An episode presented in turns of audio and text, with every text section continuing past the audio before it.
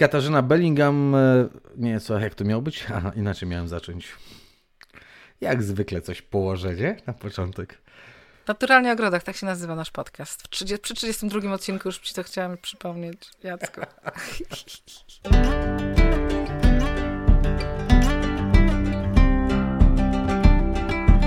Naturalnie o ogrodach, odcinek 32.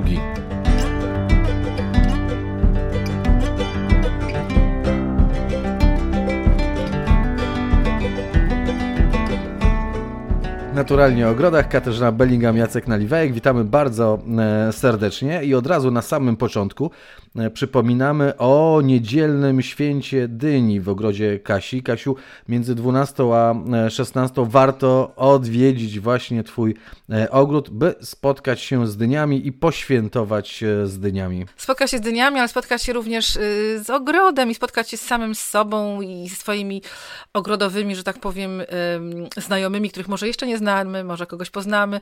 Tak jak ładnie Alina to e, ujęła, zapraszamy wszystkich naszych starych przyjaciół naszego ogrodu, wszystkich nowych przyjaciół, którzy jeszcze nie byli, e, ludzi, którzy mają bilety sezonowe, ponieważ ten bilet sezonowy przecież on nie jest od początku roku do końca, tylko on jest na całe 12 miesięcy, więc on naprawdę na bardzo długo starcza. Także zapraszamy, bo jest ostatni e, dzień, kiedy ten ogród jest otwarty. Zobaczcie, jak pięknie się poprzebarwiały różne rośliny i w ogrodzie warzywnym, i na rabatach ozdobnych, i przede wszystkim dookoła, jak pięknie wygląda nasz las. Las jest podsadzony różnymi krzewami, takimi nietypowo leśnymi, ale takimi naturalnymi, jak derenie, świdośliwy, e, różne przeróżne inne małe drzewka i e, tak jak na przykład jabłonki rajskie i właśnie krzewy. I teraz to naprawdę bardzo, bardzo ładnie wygląda. Tak to światło jest Szczególnie, inne, że jeszcze magicznie. są przebarwione liście na, na niektórych krzewach i na niektórych e, drzewach, więc pięknie się komponują. Tak, 12, 16. jest piękny też. Żywopłot z grabu mm. i z mm. buku pięknie jest przebarwiony, to, to też prawda. wygląda ciekawie. Alina i ja będziemy Was oprowadzali chyba o 13.30. Alina tak zaplanow zaplanowała tę wycieczkę e, po ogrodzie e, Katarzyny Bellingham, więc chętnie się spotkamy. Ja i Alina będziemy Was oprowadzali po tym e, ogrodzie. Dobrze, to kropka, bo święto dyni w najbliższą niedzielę i wtedy omówimy za tydzień, jak się udało. O dyniach e, e, mówiliśmy nie tak dawno, więc zachęcamy do śledzenia naszych odcinków. E, subskrybujcie je na różnego rodzaju aplikacjach podcastowych. Słuchajcie, e, bo jest wiele tematów, które nie są związane z jednym miesiącem, ale są związane z całym rokiem, albo przydadzą Wam się wiosną, to o czym mówiliśmy jesienią, tak od czasu do czasu podpowiadamy. Dziś e, tytuł powinien brzmieć Obalamy mity o kompoście, tak zaproponowała Katarzyna, dlatego że mówić będziemy o kompoście, bo jesień i mm, wczesna wiosna to są takie okresy, w których tego materiału na kompost jest bardzo dużo. W związku z tym warto e, o tym porozmawiać. Dodatkowo na pewno mamy warto teraz, tak. Pełno liści na trawnikach i na rabatach. E, liście przydadzą się na kompost. Jeśli ktoś ma ochotę zrobić ziemię liściową, samą ziemię liściową, to zachęcamy do posłuchania 26 e, odcinka, gdzie mówimy o ziemi liściowej, o tym jak ją zrobić, jak cennym jest surowcem dla ogrodnika e, ziemia liściowa, a więc podłoże, które jest wytwarzane z samych liści. Ale dziś mówić będziemy o czymś bardzo, bardzo e, cennym, czyli o e, kompoście, o tym, co możemy z darów własnego ogrodu e, sami zrobić. I tutaj też te liście, które teraz opadają i które grabimy się przydadzą. Ale zacznijmy od tego, Kasiu, w zasadzie od, od podstawy. Dlaczego tak ważny jest i tak cenny jest kompost? No, kompost jest przede wszystkim czymś całkowicie naturalnym, co i tak powstaje że tak powiem, w przyrodzie, w naturze, wszędzie. A nam w ogrodzie on się przyda bardzo, bardzo, bardzo mocno, ponieważ ogród to jest taka zorganizowana troszkę natura, tak? My potrzebujemy więcej kompostu, ponieważ też, jak was wszystkich nakłaniam, nie ma sensu tak bardzo przekopywać ziemi, wystarczy ją wyściółkować kompostem, czy też dobrze przekompostowanym obornikiem, ale przede wszystkim kompostem. Jest różnica pomiędzy kompostem, może zaznaczymy od razu, takim kompostem ogrodowym, czy kompostem, który kupujecie od e, miejskiej, miejskiego zakładu utylizacji śmieci, to jest kompost i to jest coś, co jest bardzo bogate w takie um, życie biologiczne, w takie mikrożycie. No oczywiście nie można powiedzieć, że dżownica jest mikrożyciem, ponieważ ona jest dosyć duża, bardzo duża w porównaniu z innymi żyjątkami, których prawie w ogóle nie widzimy, ale kompost jest pełen bakterii, um, grzybów, których nie widzimy, niemniej jednak one są niesamowicie ważne dla dla, dla gleby i dla roślin przede wszystkim. Rośliny nie będą bez tych bakterii i bez tych grzybów w ogóle rosły. Korzenie nie będą się rozrastały. Także to jest życie. Kompost w ziemi jest życie i nigdy nie ma tego za dużo. Bo pamiętajmy, że tak jak z nawozami i to tak jak mówię, kompost nie jest nawozem, jest bardziej taką szczepionką życia, więc tak jak z nawozami i ze szczepionkami naturalnymi życia, tak jak kompost, czy obornik, czy jakieś inne nawozy naturalne, nie możemy tego, że tak powiem, przedobrzyć, nie możemy tego wrzucić za dużo. Kompost y, jest życiem, natomiast obornik jest faktycznie nawozem. Dobrze przekompostowany obornik jest źródłem y, składników pokarmowych dla rośliny. Tak? Także te dwie rzeczy powinny się uzupełniać. Mhm. Ja u siebie w ogrodzie, szczerze mówiąc, używam jednego i drugiego.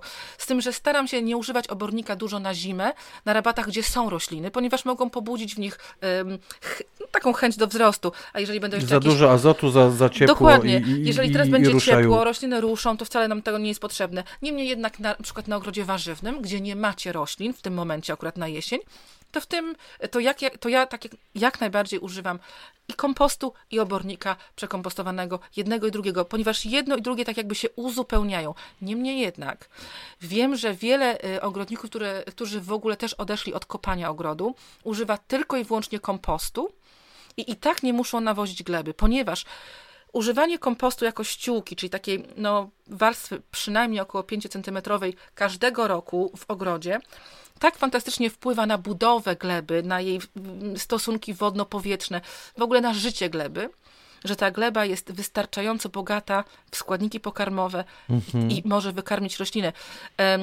Wyjaśnimy to, Kasiu, dlatego że e, kompost, który, e, którym ściółkujemy e, rabaty, on i tak czy siak trafi do tej gleby dzięki właśnie chociażby dżdżownicom, które wciągną ten kompost z, z wierzchu do, do środka, w głąb gleby. Kompost, dobry, dobry, rzeczywiście dobrze zrobiony kompost ma tę właściwość, że jeśli ziemia jest e, plaszczy, e, piaszczysta, gleba jest piaszczysta, to potrafi posklejać, posklejać e, te grudki ziemi i zatrzymywać wilgoć. Z kolei jak jest bardzo gliniasta, to potrafi tę glebę rozluźnić. Dzięki temu dochodzi powietrze. Na piaszczystej dzięki kompostowi zatrzymuje się woda i rośliny mają po prostu wilgoć w glebie, a na gliniastej dzięki kompostowi, ale też dzięki pracy dżdżownic ziemia jest rozluźniona, napowietrzona, więc prócz wody jest ten ważny element, jakim jest powietrze, jakim jest tlen, który dochodzi do korzeni roślin. Tak jest.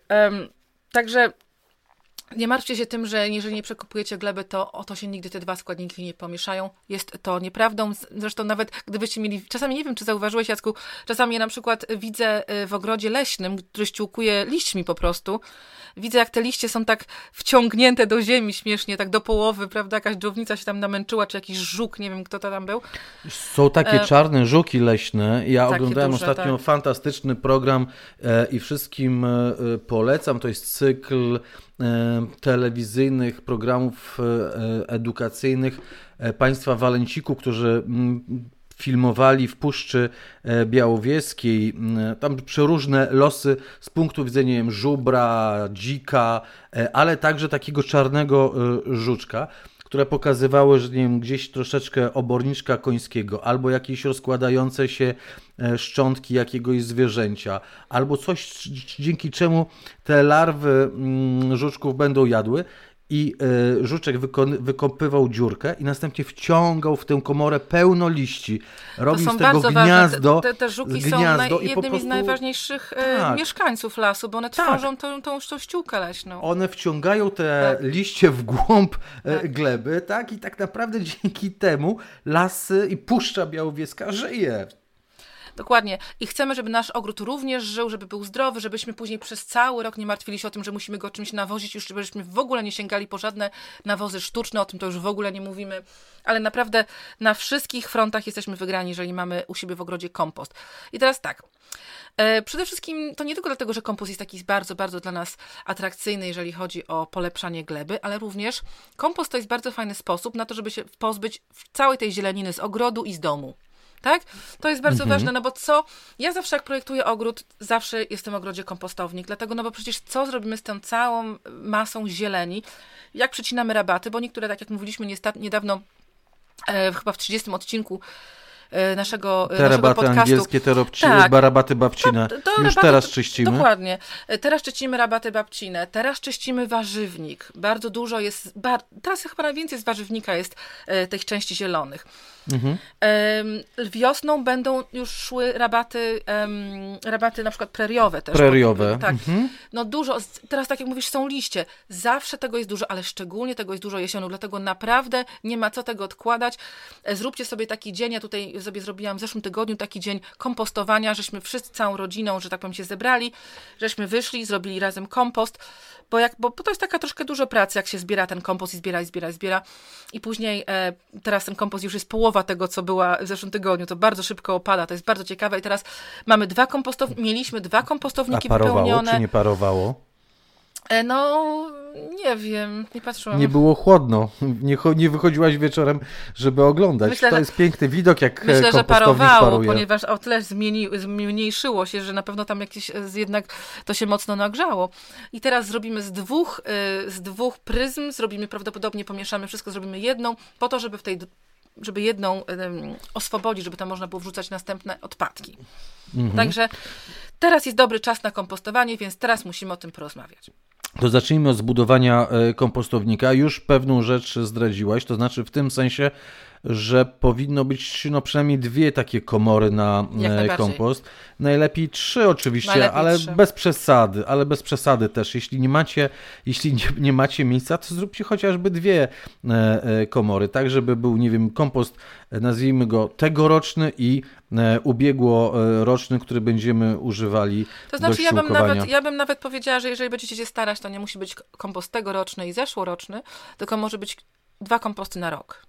Mhm. Można spokojnie mieć dwa y, komposty na rok. Jeżeli się to robi bardzo, bardzo porządnie, to nawet podobno można otrzymać już kompost po sześciu tygodniach.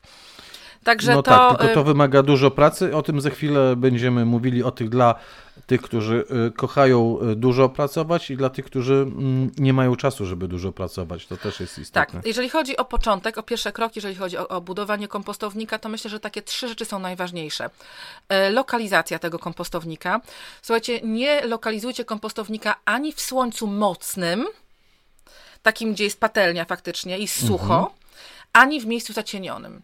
Większość, ani w cieniu głębokim. tak, mhm. dużo książek mówi o tym, że kompostownik powinien być w cieniu.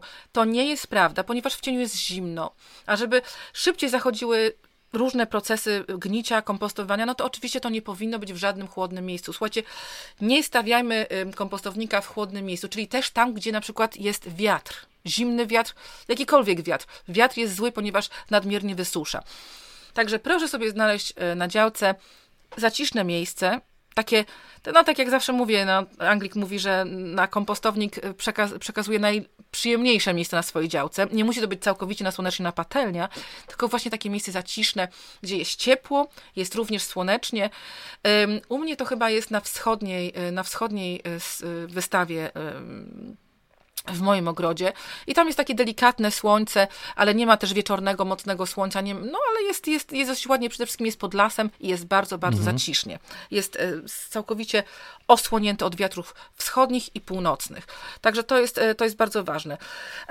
Czyli lokalizacja, e, Później samo budowanie kompostownika, można oczywiście kompostownik kupić, to też możemy o tym później porozmawiać, ale taki normalny, zwykły kompostownik, ja teraz tutaj sobie zrobiłam niedawno nowe kompostowniki po prostu z Europalet. Bardzo prosta sprawa, budowa tych kompostowników zajęła nam mniej niż godzinę, po prostu raz, dwa, trzy, cztery, pięć palet, tak? Raz, dwa, trzy, cztery pięć palet, dobrze mówię, trzy, trzy, trzy ścianki e, i, i, dwie ścianki tylnie, tak? Bo z przodu nie musicie mieć ścianki wcale, to nie jest mhm. naprawdę ważne.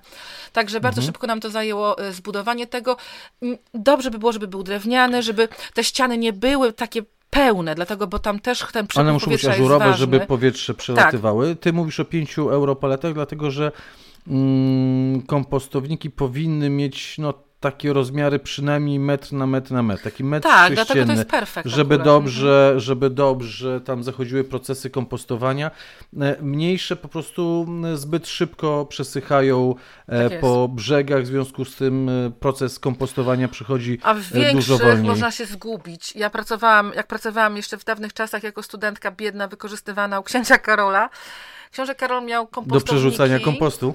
Tak, on miał kompostowniki wielkości około 5 na 5 metrów. Wow. To było coś strasznego, bo to po prostu praca, nie było końca tej pracy. I myśmy, no, wykorzy- znaczy ja byłam tam jedyną studentką, bo to nie było tam tak strasznie dużo pracowników. Ja zostałam tam rzucona na przesiewanie e, kompostu. Także to była taka praca dla, dla takich y, studentów jak ja i dla dzieci królewskich. E, przy, przy, przy przerzucaniu kompostu i przy grabieniu zazwyczaj pomagał mi Harry. E, który na pewno już tego nie pamięta, ale ja to bardzo dobrze pamiętam i po prostu byliśmy takie, takie, tacy chyba najmłodsi byliśmy ze wszystkich tam i najbardziej wykorzystywani. Także słuchajcie, duży kompostownik to jest naprawdę, to jest, to jest bez sensu zupełnie, chyba, że macie naprawdę ogromny ogród. W naszym ogrodzie... I dużo czasu i dużo tak. siły. W naszym ogrodzie jest duży ogród z gorzałem, a takie kompostowniki na metr na metr i my mamy trzy y, takie komory w zupełności wystarczają. Naprawdę źle wspominam ten duży kompostownik y, u księcia Karola.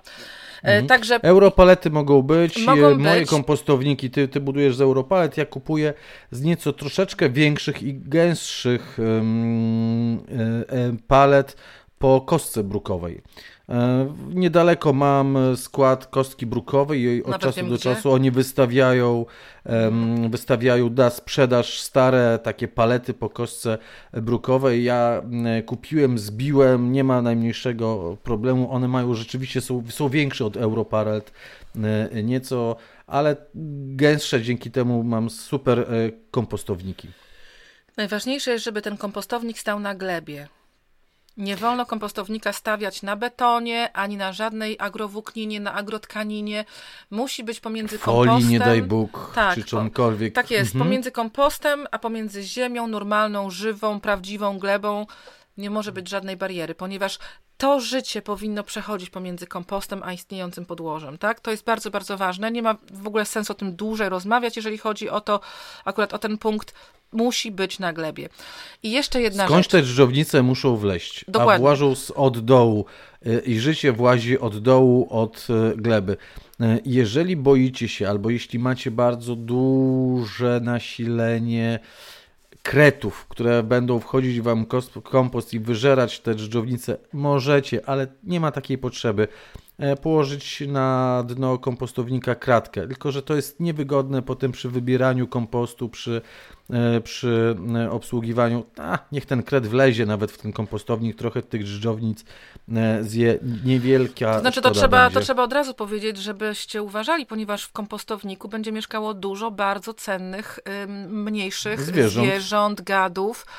U nas w kompostowniku zazwyczaj dom robią sobie ym, zaskrońce Mamy, mnie też. Mhm. Mamy, mamy rodziny co roku pięknych zaskrońców, także uważajcie dlatego, bo przy przerzucaniu, żeby też nie zrobić harakiri jakiemuś stworzeniu, to jest, to jest bardzo, bardzo ważne. Tam może coś dużego, du, dużo różny, różnych rzeczy e, żyć. To jest w ogóle bardzo Ty ciekawe mówisz, że masz zaskrońce ja mam, ja mam, e, tak, fajnie jest właśnie zaprosić Padalce, dzieci, tak? jak się, się odkrywa, jak Padalce, się odkrywa, o. E, to są u mnie padalce, tak, to, to są padalce. jaszczurki mhm. beznogie, tak, tak, tak, pa padalce siedzą, siedzą na wierzchu i potem tylko uciekają przy Padają. jakimś e, poruszeniu, ale za skrońce ja miałem e, któregoś roku, czekaj, żeby nie skłamać, dwa lata temu przy przerzucaniu właśnie e, kompostu w mniej więcej w jednej trzeciej wysokości kompostu, jak, jak go przerzucałem, natrafiłem na jajka za skrońca. E, które, które były złożone, więc musiałem przerwać to przerzucanie ze względu na szacunek dla,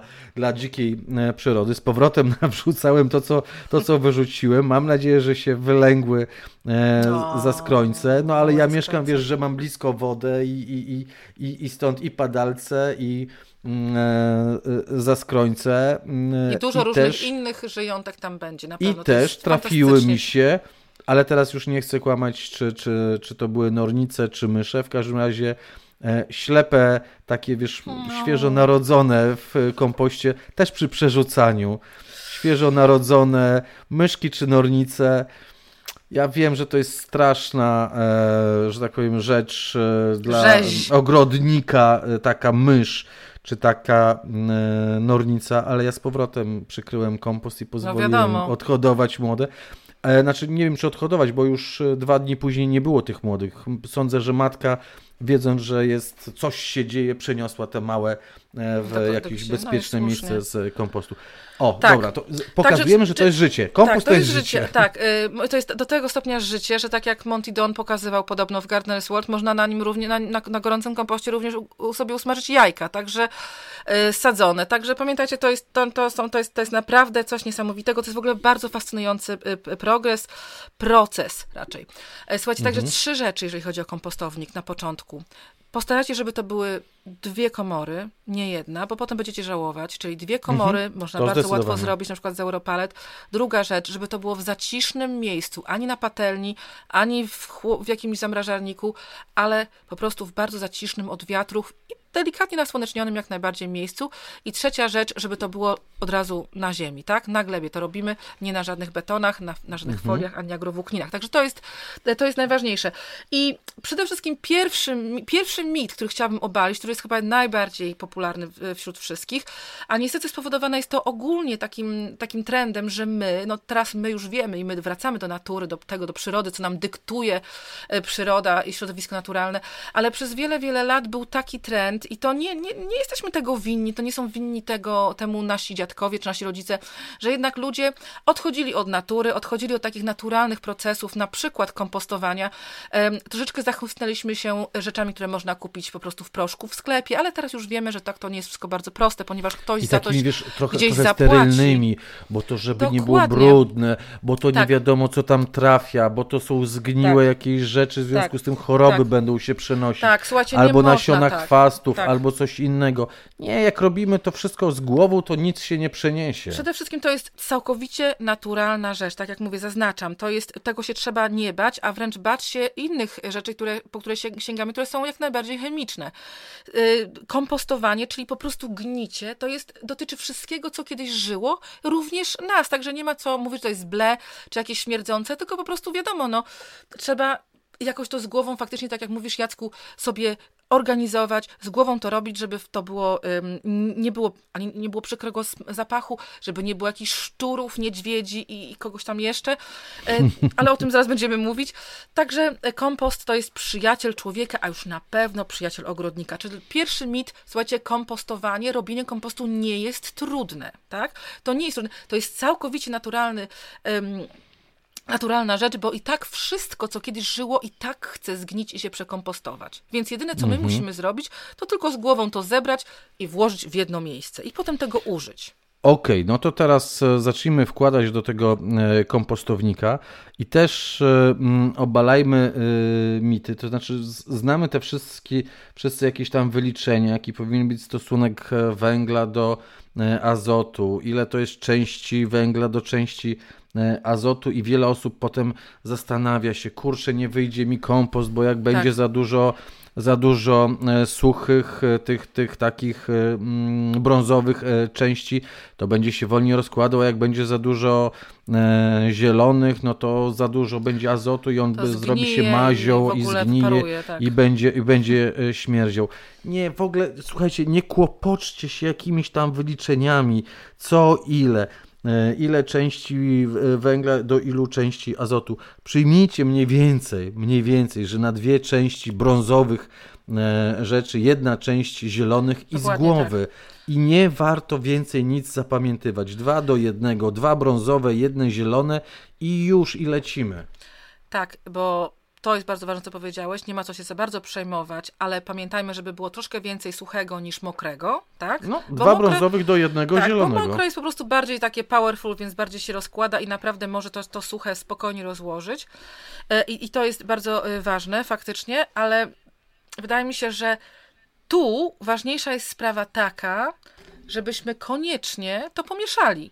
To jest najważniejsze mhm. w kompostowniku, tak?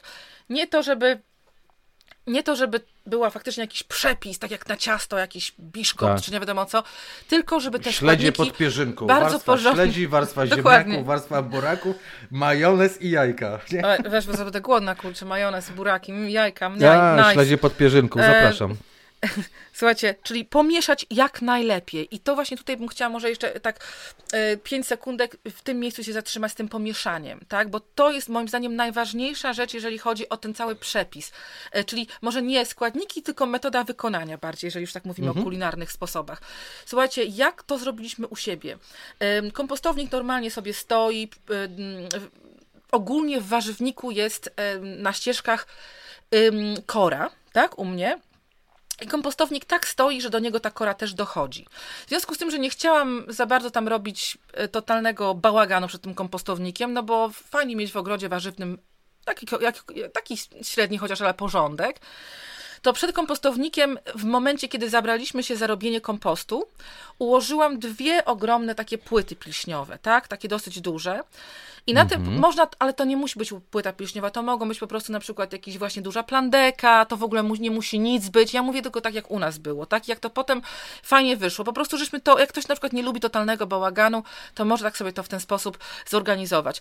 Na te dwie ogromne płyty, żeśmy wyrzucili wszystko, w ogóle żeśmy te płyty położyli, położyli już jakiś czas wcześniej i żeśmy na te płyty już, jak żeśmy oczyszczali warzywnik, wrzucali te wszystkie ym, zielone części, tak? Więc to, nas, mhm. ta, to na nas już tam czekało z kilka dobrych miesięcy, tak? Cała kupa tego wszystkiego robiła się coraz większa, coraz większa.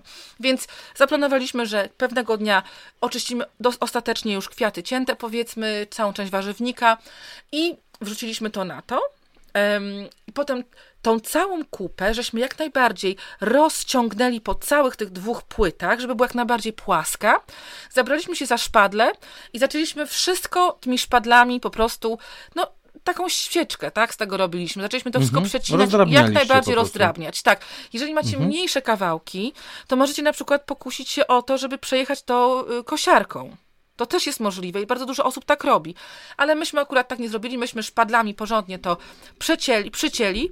Potem żeśmy skorzystali z tego, że była ładna pogoda przy okazji, to żeśmy założyli, e, e, założyli ten taki e, pojemnik na kosiarkę, żeśmy przejechali się kilka dobrych razy po naszym trawniku.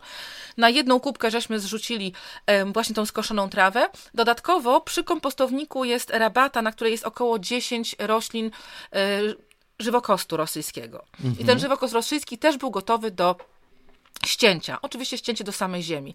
I bardzo dobrze, nawet niektóre zaczęły kwitnąć, więc tak trzeba było już to przyciąć. Więc jak najbardziej poszatkowaliśmy ten cały, ten cały materiał na kompost, czyli bardzo porządnie pomieszaliśmy to, o czym mówię. Tak, żeśmy to bardzo porządnie mhm. pomieszali już przy tym szatkowaniu, prawda?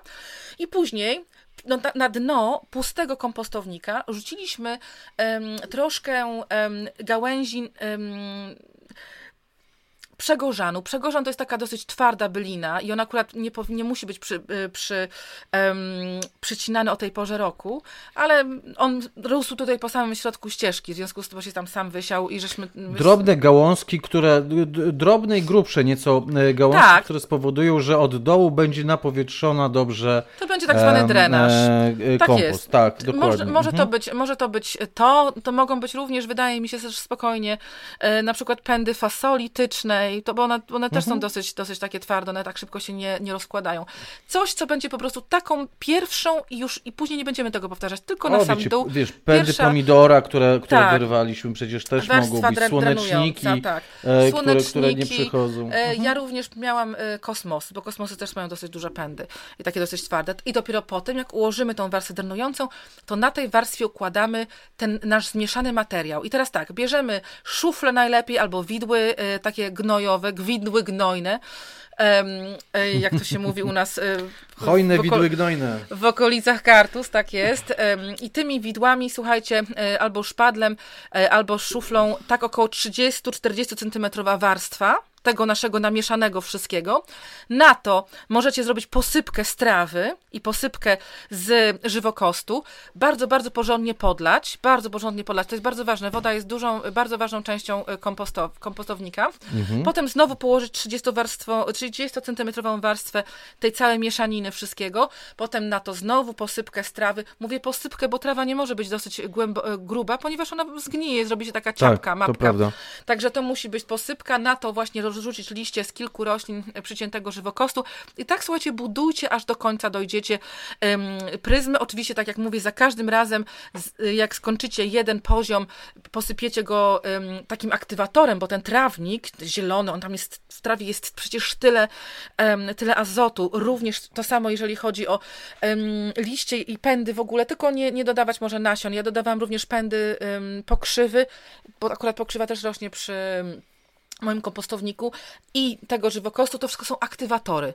Można nasiusiać, mhm. uryna również jest dobrym aktywatorem, ale mi się wydaje, że to bez tego siusiania też jakoś przeżyjemy. I słuchajcie, i potem każdą warstwę koniecznie bardzo porządnie podlać i jak dojdziemy do samego końca, jeżeli robicie kompost w ten sposób, o którym teraz wam powiedziałam, to możecie go spokojnie od góry przykryć, niekoniecznie czymś oddychającym, nawet folią, nawet agrowłókniną, ponieważ... Plandeką. Plandeką, właśnie to chciałam powiedzieć również, ponieważ y, tam jest wystarczająco wystarczająco dużo e, powietrza od dołu, jest wystarczająco dużo wody, on nie wyschnie, tak? On nie, on nie wyparuje. Gdybyście to przy, przykryli na przykład, um, gdybyście tego w ogóle nie przykryli, albo przykryli na przykład jakimiś starymi kocami, no to wtedy, słuchajcie, gdyby, jeżeli będzie jesień, e, zima suche, to może ten kompost zbytnio wysłuchać, wysychać. Także to jest już ryzyk fizyk. E, tylko wtedy, kiedy na przykład jest dosyć dobrze, taka fajna jesień, dużo deszczu jest i będzie też kompost wciągał tą, tą wilgoć z zewnątrz, to wtedy mhm. możecie położyć jakąś naturalną tkaninę, czy jakiś dywan, czy jakąś, jakiś koc, żeby to wciągało, ale nie ma takiej potrzeby, w ogóle naprawdę się tym nie martwcie. Jeżeli tak zrobicie kompost, to na, i potem, i potem proszę, nie ma, usuwamy te, te płyty paździerzowe, czy tam jak one się nazywają, nie wiem czemu paździerzowe mówię, ale tak jakoś mi przyszło do głowy, płyty w każdym bądź razie. I słuchajcie, i macie czyściutko, pięknie, w ogóle jakby nikogo tu nie było przed chwilą, ogród jest y, ogarnięty, jak to się mówi. Także mhm. bardzo, bardzo fajny sposób. I tak jak mówię, po tygodniu wam te, wam te pryzmy opadną. One wam opadną do połowy. E, połóżcie rękę na pryzmie. Jeżeli nadal jest gorąca, to zostawcie ją w spokoju, ale w pewnym momencie, za kilka tygodni, za dwa, trzy, cztery tygodnie, ta pryzma ochłodzi się. Już nie będą tam zachodziły różne um, niesamowicie ciekawe Gwałtowne procesy. E, mhm. procesy rozkładania. Te, e, po prostu ja sobie zawsze tak wyobrażam, że jak jest bardzo gorąco w tej pryzmie kompostowej, to wtedy te wszystkie mikroorganizmy biegają, jeżdżą tam, gadają ze sobą, krzyczą, imprezują, dużo, dużo się dzieje, a potem nagle są zmęczone, wyłączają się, jest spokój. I wtedy my, jako, jeżeli chcemy, żeby ten kompost na wiosnę, czy późną wiosną mógł być już gotowy do użytku, to dobrze by było ten kompost od... Ym, odkryć tą plandekę, czy cokolwiek używaliście do przykrycia, zdjąć i wtedy albo przerzucić do komory obok, która jest gotowa i czeka na to, żeby mhm. po prostu tam przerzucić ten kompost, albo zmieszać bardzo porządnie, możecie wrzucić do taczki, potem z powrotem do tej komory, do której byliście. Nie ma znaczenia. Najważniejsze jest to, żeby Dobrze ten kompost przemieszać. przerzucić po to, mhm. żeby, do, żeby dostało się do niego powietrze. Tak? Zobaczcie, czy nie jest Powietrze, a przy okazji można jeszcze uzupełnić zapasy y, wilgoci, co Dokładnie. też istotne przy tym przerzucaniu. Sucho to, co mówiliśmy o tym, że powinny być kompostowniki takie przynajmniej metr na metr na metr, bo przy ściankach szybciej wysychają, to przy tym przerzucaniu warto te elementy mm, kompostu, które były po brzegach, wrzucić do środka, a te, które są w środku, które Dokładnie. wyraźnie szybciej uległy procesowi kompostowania, można dać na zewnątrz. Dzięki temu wymieszaniu ten kompost będzie równomiernie rozłożony i będzie e, e, szybciej dostępny dla e, roślin tak. i dla czyli, ogrodnika czyli do użycia. Mieszamy, prawda? Czyli znowu mhm. mieszamy. To jest bardzo ważne, żeby cały czas mieszać. Tylko ty, Kasiu, mówisz o jednorazowym takim założeniu e, pryzmy tak. kompostowej. To znaczy zbieramy te materiały i jesienią sru wrzucamy do e, kompostu. Dzięki temu mamy ten proces e, kompostowania. To nie musi być w, jesień, to może być każda pora roku. To może być tak. Tylko jak ale, zbiera się już wystarczająco materiału. Jedno, jedno, jednorazowy. Ale e, można też e, oczywiście e, zbierać kompost, czy budować go warstwami przez, nie wiem, przez cały sezon. Jak ma się nieco mniejszy ogród i ma się mniej materiałów, można go budować po prostu warstwami i przerzucić go na, na koniec, wówczas wymieszać, ale też już przy układaniu E, trzeba pamiętać o, tej, o tym stosunku, że tam dwa tego brązowego, a e, jedna e, zielonego. Nie wiem jak ty, ale ja mam zazwyczaj największy problem z tym brązowym materiałem, wiesz? Znaczy obierki czy tam innego rodzaju kuchenne odpadki należy traktować jako, że ich nie trzeba specjalnie mieszać. One mają sporo tam i azotu i, i, i także trafiają się sporo węgla, ale E, wiosną, jesienią jeszcze pół biedy. Ja mam spory trawnik i z tym i, i z trawą e, e, latem, kiedy jest najwięcej trawy skoszonej, bo co tydzień muszę kosić, to mam kłopot wówczas z brązowym, czyli z tymi elementami mhm. typu słoma, liście, nie wiem, tekturę możemy dawać jako brązowe, te, takie kratki do jajek można traktować jako, jako brązowe. Świetny materiał ta celuloza liście, dla dżdżownic. Można, można sobie liście też tak. już y, przygotować. I dlatego też... tutaj od razu, od razu podpowiem, że ja teraz jesienią oprócz tego, że e, robię, e, czy, czy to w workach, czy w, od, od pewnego czasu już tylko w pryzmie, e, robię ziemię liściową, to e, zawsze tam kilka e, worków e, liści, takich rozdrobnionych przez kosiarkę. Zostawiam w workach, bo zbieram te liście z trawnika kosiarką, dzięki temu one są rozdrobnione. Zostawiam w, worku, w workach przez zimę do następnego roku. Ja mogę schować za żywopłotem, nie widać ty, tych liści. I wówczas, kiedy wychodzę z trawnika ze skoszoną świeżo trawą zieloną, jeśli wrzucę ją na pryzmę kompostową, to ona po prostu zlepi się, będzie taka e, po, posklejana ta trawa i nie będzie żadnego efektu. A w workach jak zostawię trawę, to wiadomo, że zgnije. Nie, no zrobi się, się taka ciapa, no. Tak. No, dokładnie. W związku z tym ja e, e, wówczas, jak mam tę trawę, używam tych, tych liści z worka.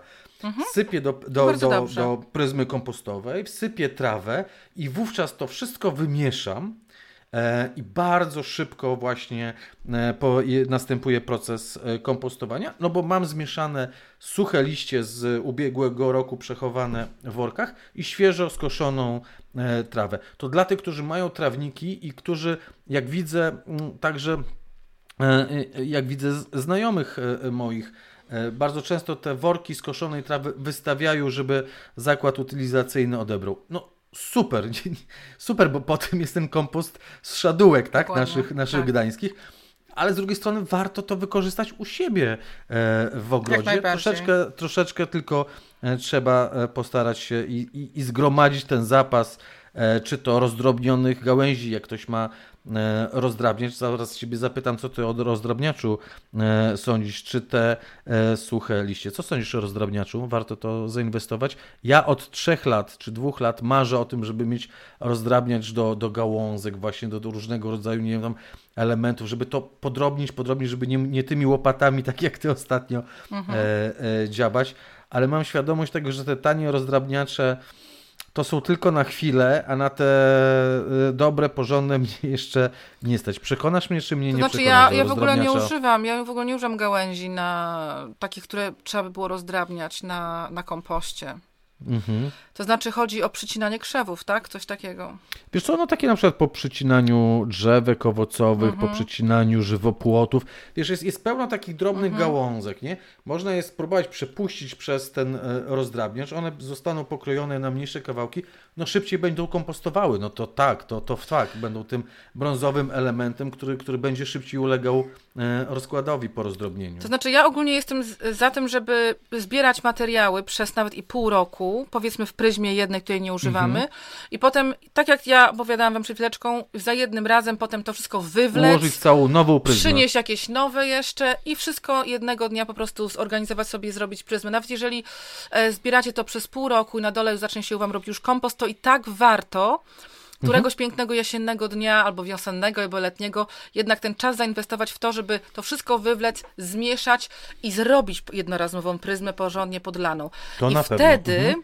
I wtedy ja uważam, że można by było zrobić tak, to wydaje mi się, że to ma sens, bo to, co mówisz, to jest prawdą, że e, te tanie takie rębaki, które można kupić normalnie w sklepach jakichś takich jak Obi, czy, czy Jisk, czy jakie tam są inne sklepy, chyba nie w Jisku, tylko w Leroy Merlin, powiedzmy, nie wiem, to one są może niewystarczająco mocne. Nie mają wystarczająco mocy faktycznie, żeby to, co my byśmy chcieli, przepuścić. One może przepuszczą pędy rudbeki, ale może niekoniecznie drzewek owocowych. Nie, no jest jak najbardziej... tam do 35 mm. Ale to nieważne, co jest napisane, ale... naprawdę. To jest ważne. Nie jest to, nie jest to trwałe właśnie. Nie, to nie, to one, one są, no nie są zbyt, zbyt dobre, dlatego ja uważam, że spokojnie można by było nic, nie ma sensu w ogóle pieniędzy na takie coś wydawać. U nas um, jest na przykład w, w Trójmieście jest kilka miejsc, gdzie można wypożyczyć takie rębaki. Między innymi u nas um, na Wlnisk, um, Niska, Niska to się chyba nazywa, jest mhm. miejsce, nazywa się Dakar chyba i oni również mhm. mają filię we Wrzeszczu na ulicy Kościuszki. E, ja od nich wypożyczałam koparki, wypożyczałam dużo różnych narzędzi e, i tam na pewno są rąbaki, bo też się pytałam i to są po prostu grosze, to są śmieszne pieniądze, a macie porządną maszynę wypożyczoną na dzień lub dwa na weekend i wtedy to, to też jest związane z tym jednym dniem, kiedy na przykład robimy ten kompost. Z tym, że gdybym ja wypożyczyła rębak, którym będę mhm y, przerabiać na przykład gałęzie moich drzewek czy krzewów, to raczej i tak tego nie dałabym na kompost, nawet przerąbanego, że tak powiem, tylko dałabym to albo na oddzielną na pryzmę, albo na oddzielną pryzmę, żeby się przekompostowało samo ze sobą, bo to się mhm. przekompostuje, tylko troszkę więcej czasu tak. zajmie, mhm. albo po prostu na, na ścieżki, czy na jakieś takie miejsca, ale to, albo na jeżeli to będzie porządnie, tak prze, prze, przerąbane, że tak powiem, przerąbane będzie miało porządnie, że będzie to drobne dosyć, to wtedy można się pokusić, żeby to użyć faktycznie jako ściółkę gdzieś pod jakimiś już drzewami, które już mają te korzenie palowe porządnie wy, wykształcone. Nie, nie polegają na tym, że pobierają z górnej części gleby składników pokarmowych. Także tak jak mówię, to, to, to, to, na, to ja się zgadzam z tobą, bym nie kupowała tego, w ogóle nie inwestowała w to, tylko bym po prostu bym wypożyczyła maszynę na weekend i ogarnęła tą całą sprawę. I to też jest lepiej, no bo to, to wtedy możemy jakoś sobie zorganizować czas w ogrodzie, a to zawsze jest pomocne dla ogrodnika. Także mhm. jeżeli robicie taką pryzmę, gdzie dorzucacie przez cały sezon, dorzucacie, dorzucacie, to też jest taka sprawa, że jednak ten y, kompost faktycznie będzie się robił dłużej. A jeżeli będziecie robić to inaczej, Nie, to no tak, ale oczywiście to, to, to jest to, o czym mówisz, że zbieramy, zbieramy, zbieramy. Ty zbierasz przed, przed y, kompostownikiem. Ja zbieram wszędzie, ja, gdzie się da. Ja to, ja to wrzucam po prostu do, do, do kompostownika, a potem, bo mam, mam cztery e, skrzynie kompostowe, E, z czego tam dwie używam do obornika i. i tak jest, i jeszcze inne rzeczy można też składować. Tak jest, inne ja można, można składować, ale w jednym zbieram i potem po prostu na koniec przerzucam e, do, do, do nowego e, miejsca. Dzięki temu mieszam, podlewam, tak? E, dodaję to, co jest potrzebne albo to, czego e, brakuje i mam ułożoną pryzmę, przykrywam ją E, plandeku. Kupiłem fajne, fajne i tanie e, plandeki w Julii w Twojej wspomnianej e, i mam z głowy na, nie wiem, kilka tygodni kompost. Jak często trzeba przerzucać kompost? Jak ty często przerzucasz? To znaczy, tak naprawdę wystarczy raz przerzucić. Jeżeli przerzucicie dwa to. razy, to będziecie super wyfikani, ale wystarczy raz przerzucić. Mhm. Także kolejny, to był kolejny mit taki, który chyba obaliliśmy, że nie, nie trzeba czekać nie wiadomo ile sezonów. Tak? Nie trzeba czekać e, e, nie wiadomo ile sezonów i to, co też e, obalamy, to nie jest taka ciężka praca przy tym kompoście. Znaczy, w tym sensie, ja wiem, że jakbyście poszukali jakichś tam porad mistrzów kompostowania, to by wam powiedzieli, że co parę tygodni trzeba przerzucić ten kompost na nowo, wymieszać, wymieszać i dzięki temu po trzech miesiącach będziecie mieć super kompost. Znaczy, po prostu jak nie macie siły i nie macie czasu, to nie, to raz wystarczy. Dwa razy, to tak jak Kasia mówi, wyfikani będziecie. Tak, to, to, rzadko jest, kto to, robi to, dwa razy, naprawdę. My no. robimy raz, a kompost i tak robi się piękny, fantastyczny.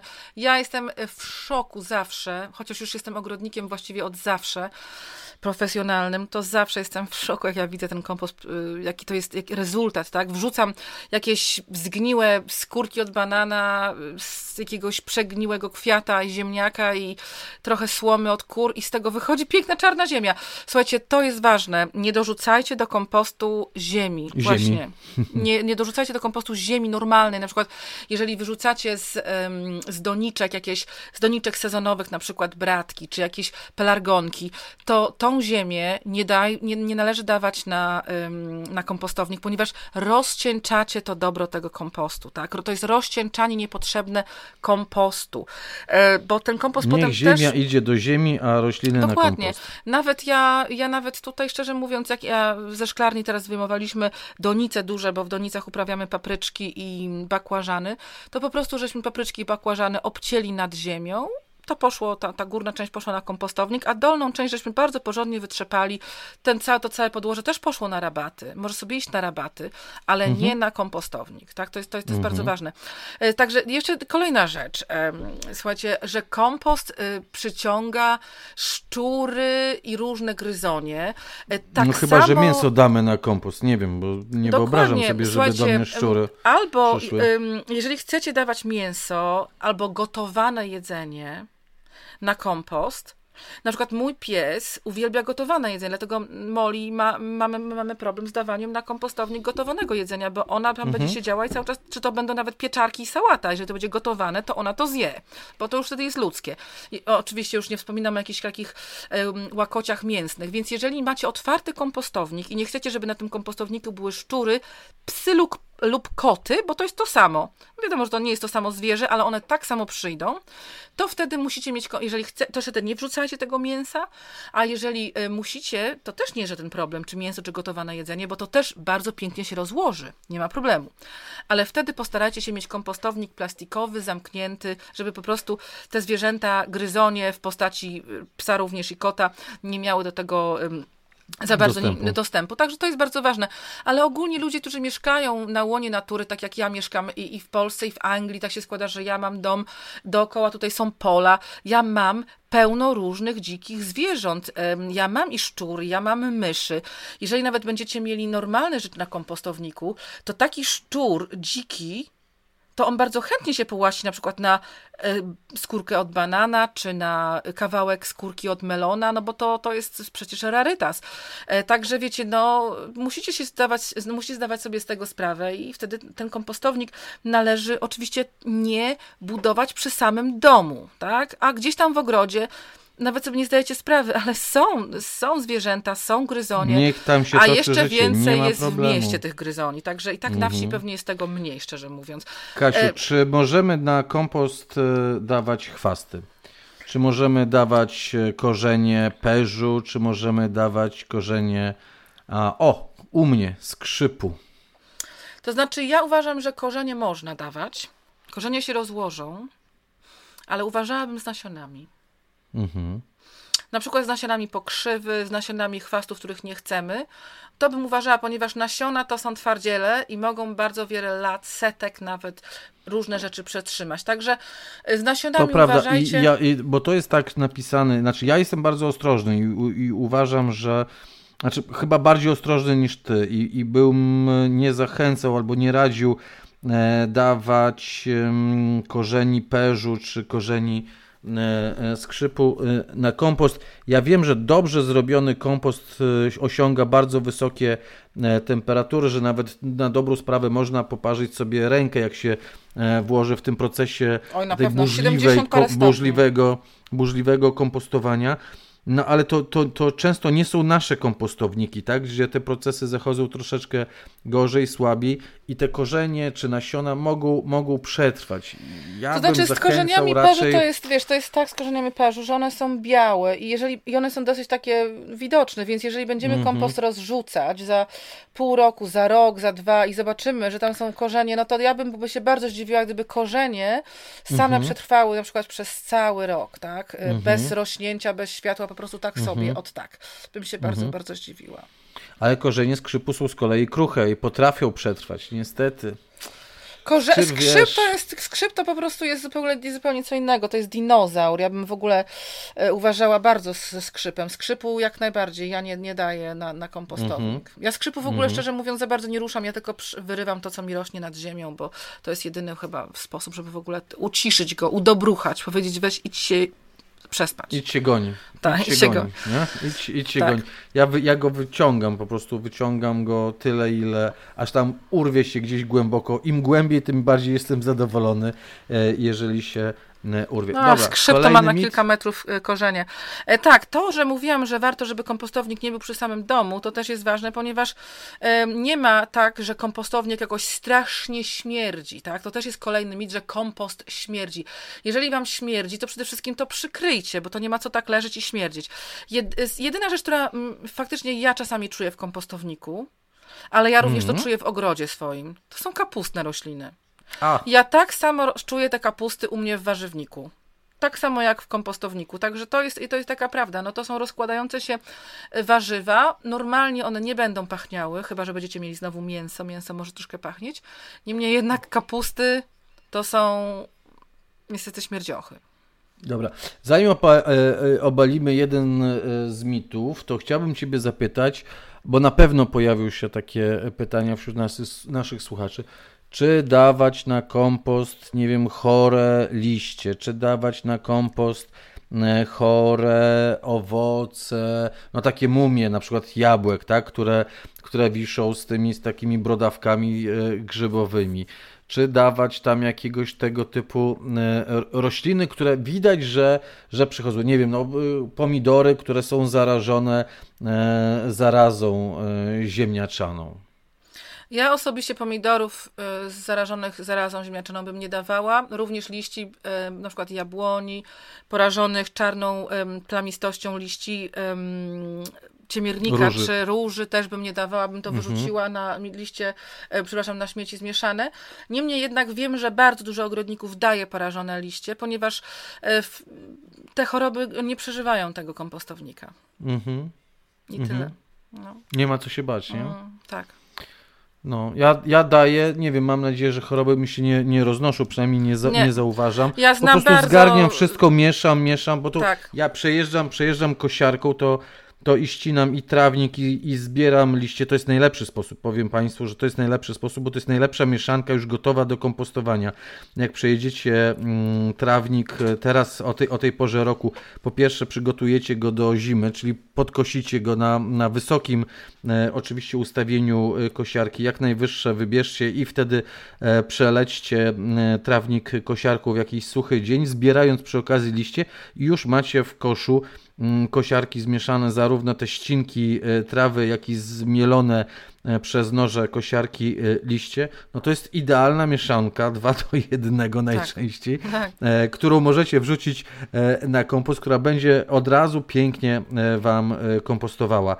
Kasiu, tak już e, patrząc, e, bo za chwilę użyjemy tego kompostu, albo przynajmniej powiemy, e, jak go użyć, ale czy przed użyciem warto go przesiewać? Bo często, jak czytamy różnego rodzaju porady, tam dobrze przesiej rozłożony kompost, żeby nie było żadnych patyczków czy resztek, które będą się trafiały na grządkę. Powiem szczerze, że to jest bardzo dobrze przesiać i bardzo chciałabym, żeby żebym mogła przesiewać, żebym miała na to czas, ale ja nigdy go nie przesiewam u siebie i potem jak go rozrzucę na, e, na rabacie, to po prostu i tak wszystko jest zagrabione i po prostu tymi grabiami potem te kilka patyczków, czy no właściwie niewiele tego jest, e, zgrabię mhm. i, i, usunę. Ale szczerze mówiąc, um, oprócz tego, że faktycznie spędziłam sporo czasu przesiewając kompost u księcia Karola, to powiem Wam szczerze, że nie pracowałam w Anglii w żadnym ogrodzie, w którym żeśmy przesiewali kompost. E, także i naprawdę to polegało po prostu na tym, że jak wrzucasz kompost do taczki czy do wiadra z kompostownika, to w tym czasie po prostu, jeżeli masz jakąś tam większą gałąź czy coś, to po prostu ją wyrzucasz wy, wy, i tyle. I tyle, po prostu nie ma czasu w rzeczywistości wiele osób na to, żeby ten kompost przesiewać, także proszę się tym nie zniechęcać. Jeżeli macie czas, no to bardzo fajnie, to proszę bardzo, to bardzo jest piękna praca, e, praca z glebą, praca z ziemią, mm. to jest mhm. na pewno bardzo przyjemne, tylko że po prostu nie zniechęcajcie spieszajcie się, jeżeli nie możecie tego zrobić, bo nie każdy ma na to czas, szczególnie jak ma duże ilości kompostu, duże ilości pracy. Nic się nie stanie, tylko po prostu usuńmy jakieś większe patyczki, mniejszymi w ogóle się nie martwmy. Naprawdę. Mniejszymi kompletnie się martwmy, nie róbmy za gęstych tych e, sit do przesiewania e, kompostu. Taka rafa budowlana do, do takiego, nie wiem, tam żwiru, który, który jest, to jest absolutnie wystarczające. Tak, pamiętajcie, jest Można bardzo... ją położyć na taczkę i, i, i po prostu Dokładnie, duże muszą być tam dziury. Gałązki, tak. ga, I gałązki wrzucić do kolejnego tak. kompostu, niech, niech jeszcze dalej się rozkłada. Jest bardzo ważna rzecz, żeby nie możemy dążyć do tego, żeby osiągnąć, osiągnąć żeby ten kompost, czy gleba, czy cokolwiek miało wszystko taką samą frakcję te gruzełki, czy gruzełka ziemi, czy mhm. kompostu, one muszą być zróżnicowane. One nie mogą być wszystkie przesiane na jakimś najmniejszym oczku e, sita. Nie może być, bo to mhm. E, nie działa, jeżeli chodzi o, e, o ogród. Słuchajcie, musicie osiągnąć tak zwaną zróżnicowaną gruzełkowatość gleby i kompostu w swoim ogrodzie. Także to jest bardzo ważne, żeby nie było tak, że potem wszystko jest od takiej samej średnicy, tak? tej samej mhm. frakcji. To jest ważne. Mhm. No i na koniec, i na koniec po prostu używajmy go yy, z sercem dla, dla roślin, czyli mhm. jako ściółkę. E, tak, słuchajcie, to jest, nawet jeżeli, jeżeli na przykład nie macie dostępu do, y, jeżeli chcecie mieć ogród, powiedzmy, warzywny bez kopania i nie macie dostępu do dużych ilości kompostu, ale na przykład macie dostęp do dużych ilości obornika przekompostowanego, bo to akurat u nas y, na przykład na wsi, no to bardzo często można od rolnika taki y, obornik zakupić, czy na przykład ze stadniny również, czy nawet dostać, bo mhm. czasami w stadninach to wręcz tego nie potrzebują. Także można użyć tego jako materii organicznej do ściółkowania na jesień. Powiedzmy, zaczynając to może za pierwszym razem 10-15 cm, później już co roku jesienią stosujmy tą ściółkę grubości około 5-7 cm. Czyli to, to taką większość tej materii organicznej możemy użyć, tego, czego mamy więcej. I wtedy na przykład, jeżeli mamy kompostu mniej, to użyjmy chociaż go troszeczkę, jak posypki takiej z cukru pudru na, na powiedzmy na drożdżówce, dlatego, bo to jest szczepionka życia. Bardzo ważne, żeby chociaż trochę, ale żeby ten kompost trafił na cały wasz ogród, szczególnie tam, gdzie chcecie mieć jedzenie, albo też piękne plony w ogrodzie y, ozdobnym, dlatego, bo to nie ma znaczenia i ta, i ta roślina to jest ta sama, tylko że akurat róży nie jemy, a buraki jemy, tak? Także to jest bardzo mhm. ważne. Używajcie tego kompostu. Jeżeli go macie więcej, to jak najbardziej ściółkujcie nim, e, ale na pewno warto co roku ten kompost na ziemię swoją rzucać. Jeżeli macie dużo go, tak jak mówiłam na samym początku audycji, to nawet wtedy nie musicie się e, stresować tym, żebyście, e, żeby jeszcze dodatkowo karmić, tak, rośliny, nawozić, nawozić w przyszłym roku. Także mhm. wiecie, naprawdę to jest, to jest bardzo fajna rzecz.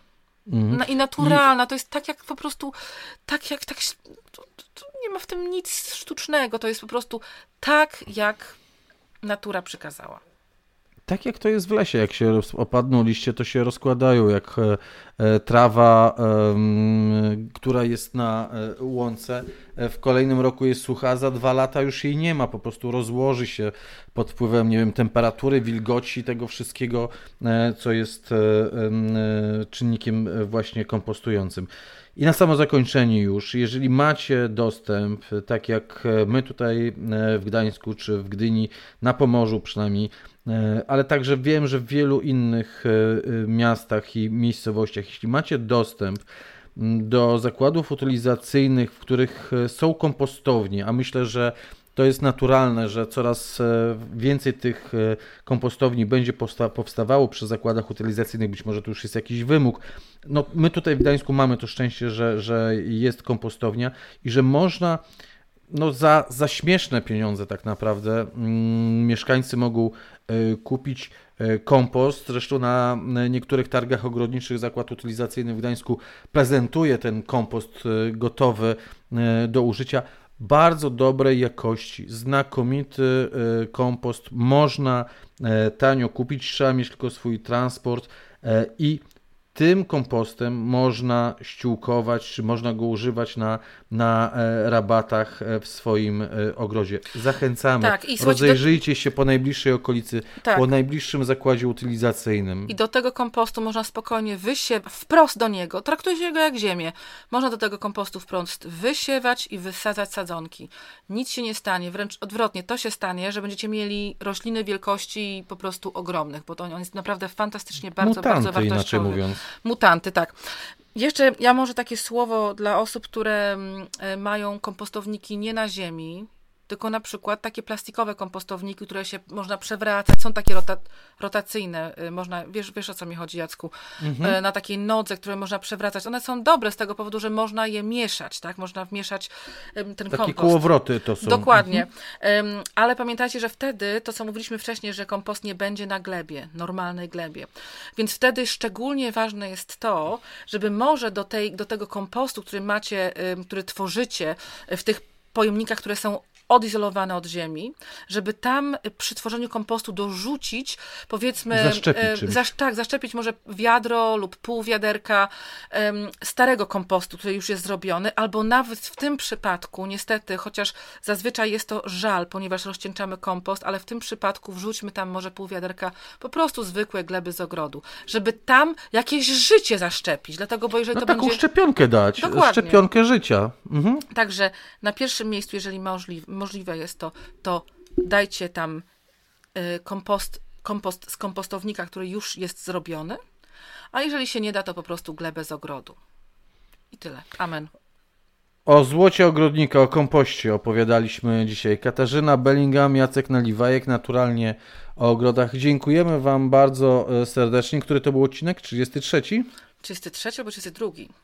A, widzisz, teraz tak. Ty nie wiesz. No chyba czysty drogi, bo teraz już mnie zmieni, zmyliłeś.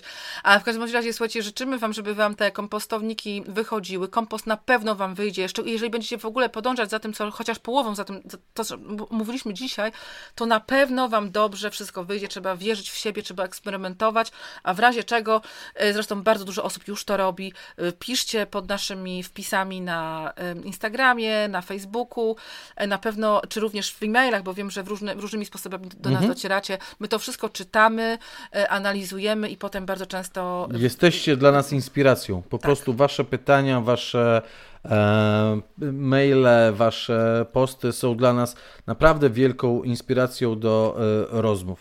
Tak, i w związku z tym myślę, że jeden z, e, jeden z, nie, z odcinków, który będziemy nagrywać e, w, w najbliższej przyszłości, będzie prawdopodobnie o szklarniach. Jak to pięknie brzmi w najbliższej przyszłości. Kiedy jeszcze nie wiemy, ale na pewno mamy to e, w planach. Tak jest. Kasia, dziękuję Ci bardzo. Katarzyna dziękuję Bellingham. No, do, do usłyszenia. usłyszenia.